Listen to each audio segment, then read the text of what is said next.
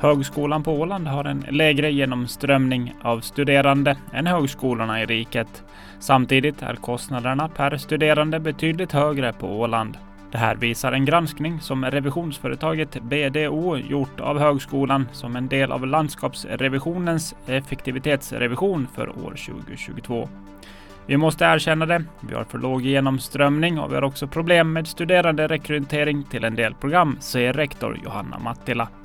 På Hotskär, där flakfärjan Mergus tidigare trafikerat, har man varit nöjda med tonnaget.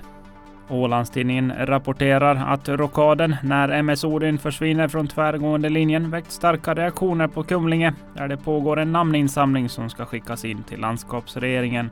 Hur ska skatteintäkterna kopplade till de planerade havsbaserade vindkraftsparkerna uppbäras och fördelas? Det vill Socialdemokraternas partiordförande Camilla Gunell få svar på av landskapsregeringen genom en skriftlig fråga.